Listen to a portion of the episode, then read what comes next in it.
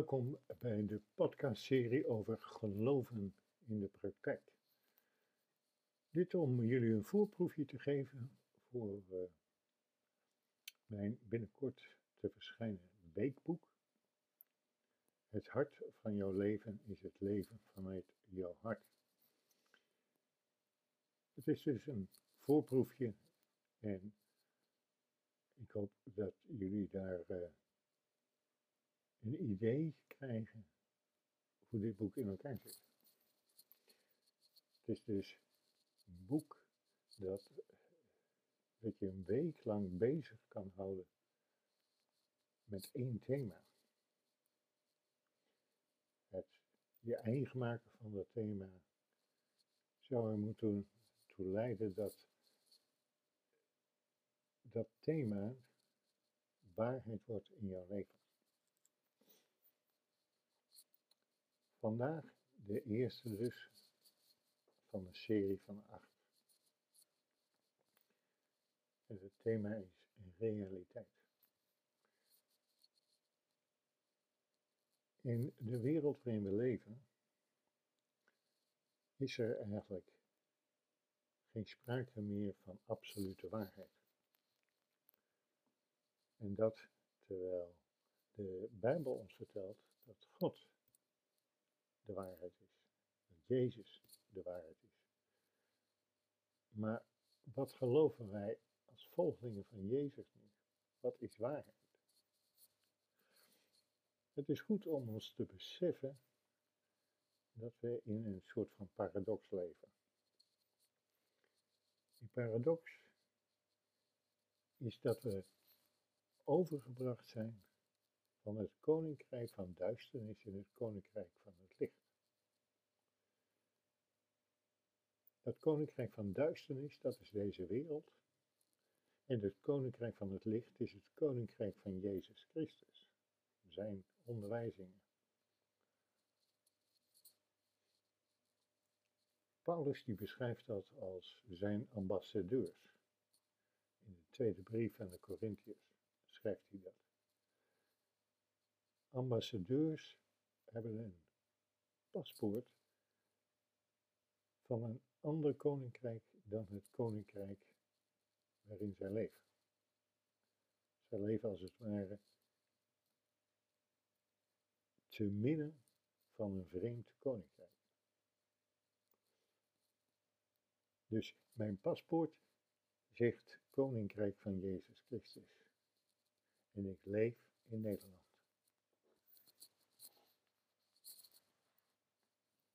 We hebben het over realiteit. Nou, als we dat gaan doen, dan gaan we eerst maar eens kijken naar wat de context is in en buiten de Bijbel. En dan gaan we kijken wat de essentie is van het onderwijs van Jezus. En daarna hoe wat we ontdekt hebben, we dat kunnen gaan toepassen in het leven van alle dag. Ik pak even het Van Dalen woordenboek. En Van Dalen zegt mij, realiteit is werkelijkheid. Nou, daar schud ik niet veel mee op. Dan pak ik de Bijbel. En we hebben de Bijbel die twee delen bestaat. Het Oude Testament en het Nieuwe Testament. En dat eerste deel, het Oude Testament, daarin zegt God over zichzelf in Exodus: Ik ben de Heer vol van waarheid. Ik ben waarheid. In het Hebreeuws staat daarvoor het woordje waarheid en. En dat betekent zoveel als Iets wat vaststaat, iets wat waarheid is, zeker is, stabiel is, continu is. Het is een feitelijkheid. Zo wordt dat woord gebruikt in het eerste deel van de Bijbel.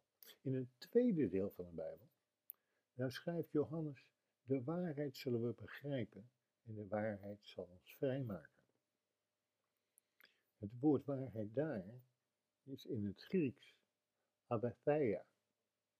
Dat wat waar is, wat echt is, in werkelijkheid is, feitelijk is. Er is dus een feitelijkheid. Jezus legt het zijn discipelen eigenlijk uit door aanschouwelijk onderwijs. In het vierde hoofdstuk van het Evangelie van Johannes ontmoet hij een Samaritaanse vrouw. Wie is die Samaritaanse vrouw? Of wat is zij? Ze was alleen. Want op het heetst van de dag komt Jezus deze Samaritaanse vrouw tegen bij een put, want hij heeft dorst. Een vrouw die water aan het putten is op het heetst van de dag, in haar eentje. Waarom alleen water putten? Waarom op het heetst van de dag? Wat waren de verhaaltjes in het hoofd van die vrouw dat zij daar in haar eentje aan het waterputten is. Was ze bang? En wilde ze geen andere vrouwen ontmoeten? Want waterputten is een sociale bezigheid. Je wil er juist met andere vrouwen samen mee bezig zijn. Want terwijl je water aan het putten bent, terwijl je aan het wachten bent, op de volgende die aan het putten is, bespreek je het nieuws van de dag. Er wordt heel wat afgekletst bij zo'n put. Maar wilde zij geen vrouw ontmoeten dan, dat ze daar op het heet van de dag is? Was ze misschien bang voor wat andere vrouwen over en tegen haar zouden zeggen? Misschien bang voor een oordeel? Was ze bang dat ze zouden oordelen over het feit dat er een man in haar huis leefde die niet haar wettige echtgenoot was. Voelde zij zich eenzaam? En wilde ze wel een man? Droomde zij ervan dat de man in haar huis haar man was? Want een vrouw alleen, in die tijd, had een hard leven. Misschien schaamde ze zich ervoor dat die man in haar huis niet haar wettige echtgenoot was. Zij had allerlei verhaaltjes in haar hoofd. En daarbij komt nog dat die ontmoeting met Jezus, ja, Jezus is een Jood en zij een Samaritaanse. En Joden en Samaritanen verstaan elkaar niet zo goed. Ze hebben eigenlijk altijd ruzie. Ze hebben met name ruzie over een theologische kwestie. Waar moet je aanbidden? Joden kijken neer op Samaritanen en Samaritanen op Joden. En dan zegt Jezus, Jood tegen haar, haal je man.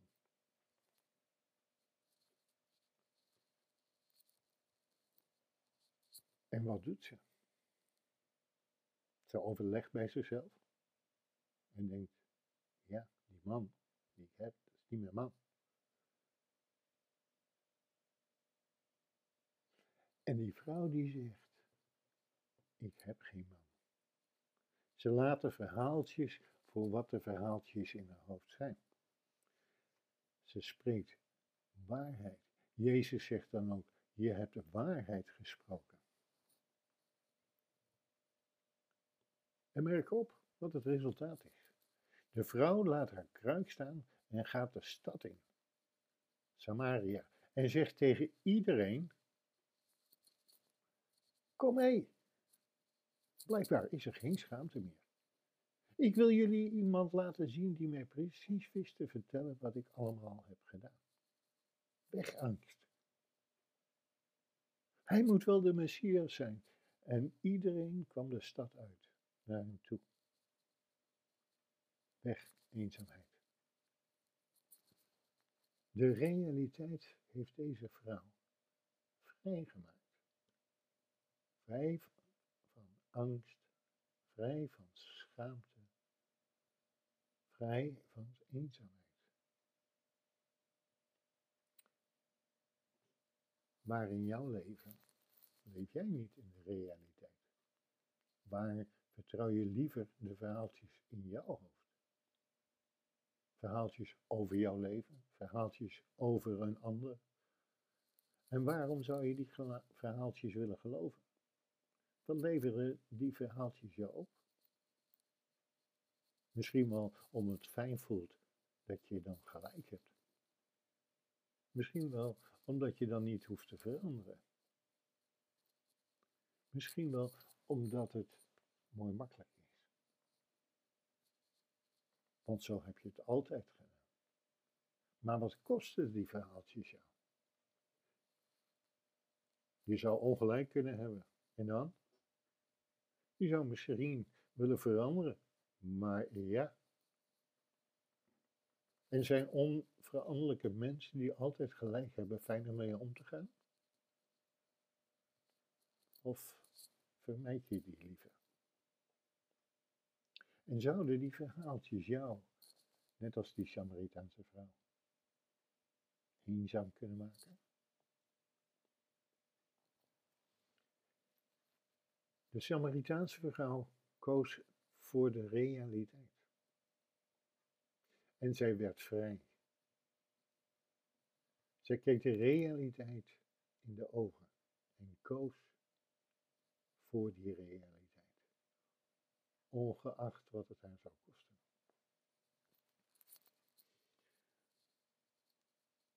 Nou is de vraag, ben jij bereid tot die zelfreflectie? Ben jij bereid om jouw verhaaltjes onder ogen te zien? En heb jij het lef om met die verhaaltjes te stoppen en de realiteit toe te gaan passen in je leven? Heb je mensen om je heen die genoeg van jou houden om oprecht tegen je te durven zijn? Zodat jij gaat ontdekken wat jouw realiteit is. En als je dan vanuit die realiteit gaat evalueren, nadat je hebt toegepast, als jij vanuit die realiteit gaat luisteren naar de feedback die je van mensen krijgt, wat zou dat teweeg brengen in jouw leven? Hoe zou jouw leven er dan uitzien? Ik wens je veel succes en God zegen bij de ontdekking van de realiteit in jouw leven. Dankjewel. En tot de volgende.